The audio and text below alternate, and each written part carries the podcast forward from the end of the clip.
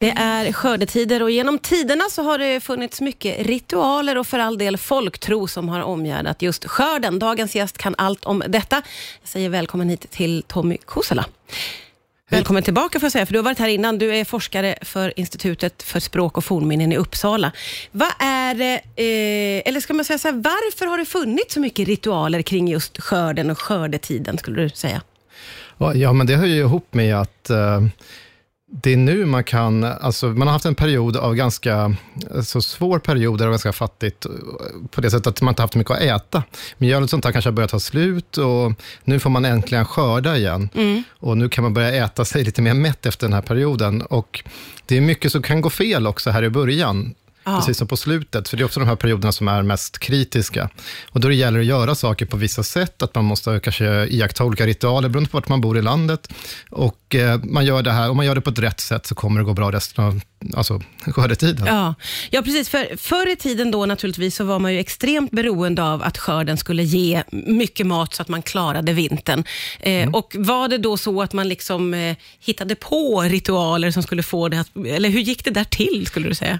Men om man har ett, ett knep på hur man liksom skördar eller något sånt där som man har lärt sig från tidigare generationer och det har fungerat bra för dem, då kanske man inte vågar bryta det här mönstret. Då Nej. vill man ju fortsätta på samma sätt. Det är ungefär som vi skrockfulla idag. Om, någonting har fungerat på ett sätt, så kanske man inte vill bryta det och börja med något nytt, för då kanske det inte fungerar. Man vet ju inte hur det kommer bli i framtiden då. Nej, nej just det. Och särskilt när allting, bara, när allting hänger på det här, att det är så himla viktigt. Man kan ju inte gå ner till en lokal matbutik och köpa sig allt man behöver, utan det är det som man odlar själv som gäller. Så det blir väldigt viktigt att man inte jinxar det helt enkelt, ja, och man kör på i samma spår. Mm. Eh, hände det också att man försökte förstöra för andra, eller drog man inte så långt? Jo, man kunde göra det. Det finns en hel del sådana exempel också på, alltså den här fade-känslan i en del bygder kunde ju också bli att man pekade ut grannarna om det gick dåligt för en själv, i en del fall då. Ja. Den här idén om häxan och sånt där levde ju faktiskt kvar långt efter trolldomsprocesserna. Och då kunde ju kanske en, en eh, grannkvinna oftast då bli anklagad för att kanske korna gav dålig mjölk, Korna ger ju mjölk nästan ah. hela året, förutom ja. när de kalvar, men då kunde det också vara, helt plötsligt om det händer någonting, ja men då kunde det vara, nej men då har de en, eh, en bjära eller en mjölkkar eller någonting i granngården som har stulit mjölken av dig. Ja, ja, ja. Peka ut. Ja. Jag tänker också att de här ritualerna, kan det också ha rört då redskap och sånt som man använde sig av? Att man liksom hade samma li? Eller, eller? Ja, ibland ska de eh, förvaras och hängas upp på ett visst sätt och man kanske ska slå ett visst antal gånger och sådana saker, för att det är ofta de magiska siffrorna, alltså tre och nio och sju, sådana saker som är vanliga i folk, äh, folkliga föreställningar, alltså i trolldom. Ja, just det. Och det, det gäller ju även här. Ja, ja. Vi ska prata vidare alldeles strax här på Rix FM. Rix FM. Ja, du lyssnar på Rix FM. Idag så pratar vi om ritualer som har funnits kring skördetiden. Det är Tommy Kosela som är här, forskare för Institutet för språk och fornminnen i Uppsala. Nu pratade vi under låten här om att det, det ju fanns, eh, förutom alla dessa ritualer som kunde röra hur man gör saker, så eh, har det ju också varit lite uppdelat i, i någon slags manligt och kvinnligt och här fanns det väldigt mycket spännande. Det, det var ju väldigt uppdelat vad gällde skörd och, och, jordbruk också, tillbaka i tiden. Ja, och en del djur också som förknippas med män respektive kvinnor. Som du har exempelvis hästen, oxen, väldigt manliga djur då i bondesamhället. Ja. Medan eh, korna, getterna och eh, ja, fjäderfä, om man säger sånt, som är mer kanske hör till kvinnan, som kvinnan rör om och sköter ja. om. Ja, just det olika arbetsområden. Eh, mm. Men var, var, varför var hästen så manligt djur, skulle du säga? Men hästen har ju egentligen en, en ganska gammal symbolik knuten till, till man, den manliga sfären, om man får säga så, som det, man tänkte förr i tiden. Att det är ett ganska dyrt djur som är känsligt och eh, drar mycket tunga saker och sånt där, och det är där männen arbetar. Mm. Så att där får man nog se att, och den har ju gått tillbaka till, till, till redan till medeltid och så där, så är det ju det här riddaridealen knutna ja. till hästen. Och ännu längre tid så har det också så, hästar som kämpar mot varandra och sånt där, som är knutna till vissa gudar, som guden Frej exempelvis, som kunde vara knuten till hästen, eller Oden eller något sånt där. Ja, just det. just det. Och även så var ju arbetsuppgifterna då väldigt uppdelade för mm. män och kvinnor. Ja, precis. Det är, mest, det är mannen som ska ut och slita på åken, om man säger så, som eh, den som arbetar med det, medan kvinnan sköter med det som hör gården till, till stor del. Men det finns ju mycket arbetsuppgifter även på gården, så att det är ju mycket med linet och liksom, alltså mycket textilt arbete som kvinnan sysslar med i störst utsträckning, och matberedning och sånt där som kvinnan sysslar med. Medan mannen då eh, alltså bärgar in den, alltså skörden och sysslar med de här tyngre arbetsuppgifterna. Ja, och nu eh, pratar vi mycket om ritualer som skulle kunna liksom, eh, se till att skörden blir riktigt bra. Eh, och Då blev det också viktigt då att man höll på sitt och inte gick över och liksom, att kvinnan plötsligt började bära, bära in. Kunde det vara otur då? Det kunde i en del fall absolut vara det och det kunde också vara otur om en kvinna kom in och störde så att säga när männen arbetar med någonting i sitt lag.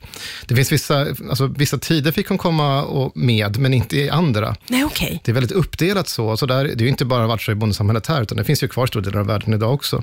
Att vissa liksom, arbetsuppgifter är väldigt, det liksom kan nästan bli besudlat om man säger så, om det kommer in och i alla fall tanken om det, att det kan nästan vara som att man jinxar då, som du sa förut, här, någonting som, som man då eh, kan bli, gå väldigt fel om det kommer fel personer in i det. Ja, just det. Någonting eh, som ju vi idag förknippar väldigt mycket med augusti månad och den här tiden, det är ju både kräftskiva och surströmmingsskiva. Vi ska prata lite om det strax här på Rix FM. Riks FM.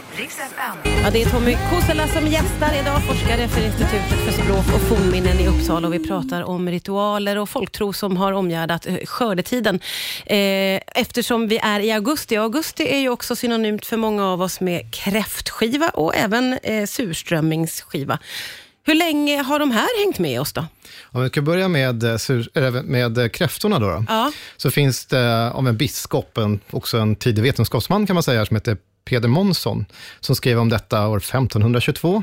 Och då ville han att man skulle blanda kräfta med brännvinet, så det finns redan med från början. Och det här skulle hjälpa mot kol, eh, kolera. Då. Jaha, Så att okej, det var som en medicin. Ja, som medicin. Ja. medicin då. Och sen inte lång tid efteråt kom Erik den XIV, det var runt 40-50 år senare, så skulle han ju ha kräftor och bjuda på massa till fint folk. Och sen kom andra kungar efter och tog efter samma sak. Så att man skulle helt plötsligt då fiska massor av kräftor för att det skulle finnas till, i de här äh, herrgårdsmiljöerna, de finare miljöerna om man säger så, översta skiktet i samhället. Inte bland bönderna. Nej, okej, för om kungar hållit på med det så förstår man att det var på Ja, det, det kommer senare att man liksom tar efter som det brukar vara, att det sjunker ner. Men man kunde äta kräftor året runt i princip, i, eh, eh, eftersom man inte hade någon reglering på fisk fiskandet. Nej, just det. Det kom ju senare när man började bli rädd för att man fiskade för mycket, för vi började exportera ganska tidigt kräftor ifrån Sverige utomlands. Ja, ja. Och då var det en del som eh, höjde ett varnande finger och sa att eh, nu finns det en risk att de här eh, faktiskt fiskas ut. Ja, ja, ja. Då kom det en massa bestämmelser och sådär. Som, Ja, ja. som Men från första början alltså riktig fin mat som kungar ville bjussa på? Ja, om man går till Kajsa Warg och sådär, finns det också massa gamla recept på kräftor av alla dess slag. Kräftkorvar och allt möjligt som hon skriver om. Jaha. Kräftpudding och sådana saker. Så, Oj! Så att, men jo, men det, kräftor var en fin sak. Och en intressant detalj till som man tänker på idag var att man brukade ha varm punch till, vilket gjorde att man också åt varma kräftor. Mhm. Så när man ky- kylde ner det långt senare så blir det ju att kräftorna också blir kalla. Ja. Och det, det är så vi tänker på kräftor idag. Då, då. Ja, just det. Men det här är typisk augusti-rätt. Då. Ja. Väldigt svenskt får man väl säga, för att det förknippas väldigt mycket med Sverige. Vi har haft det på frimärken och lite överallt. Om man pratar med folk utomlands så är det kanske kräftskivorna de tänker på och surströmmingen sen som någonting som är udda. Ja, det känns ju eh, mer udda faktiskt, i surströmming. Och den är väl kanske inte lika utspridd över hela landet heller. Det känns som att den kanske är lite mer lokal, eller? Nej, surströmmingen har ju också väldigt gamla anor. Det är också från 1500-talet och då är det ju sån här äh, att det är Norrland och framförallt runt Ångermanland som man har från tidigt sån här äh, fäste för äh, surströmmingen. Äh, och den är också reglerad, för den ska ju också vara i augusti helst.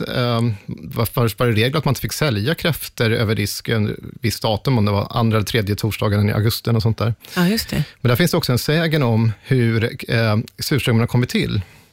Och det sägs då att Gustav Vasa, han hade en konflikt med Lübeck och Hansan på 1500-talet. Ja. Och då ströps eh, salttillförseln till Sverige. Varpå att det misslyckades med att de eh, saltade eh, strömmingen på vintern. Ja. Och då blev det den första surströmmingen. Jaha. Och det där är som sagt en, en sägen som jag Okej, den är inte bekräftad, men det var ändå roligt att få höra den. Så båda har hängt med oss länge i alla fall, både surströmmingen och Ja, kräftorna. De, de, båda de här beskrivs av bland annat Carl von Linné. Linné avskydde ju, han tyckte inte alls om skaldjur, man ska inte äta det. Okej, Eh, Men han beskriver både, eh, ja, först kräftor och sen så även surströmming beskriver han också. ja just det. Det är klassiska svenska traditioner. Ja. Det kommer att fortsätta med länge kan man tänka sig i augusti. Jätteroligt att ha dig här igen. Tack så mycket Tom och Kosela för att du kom hit idag. Tack så mycket.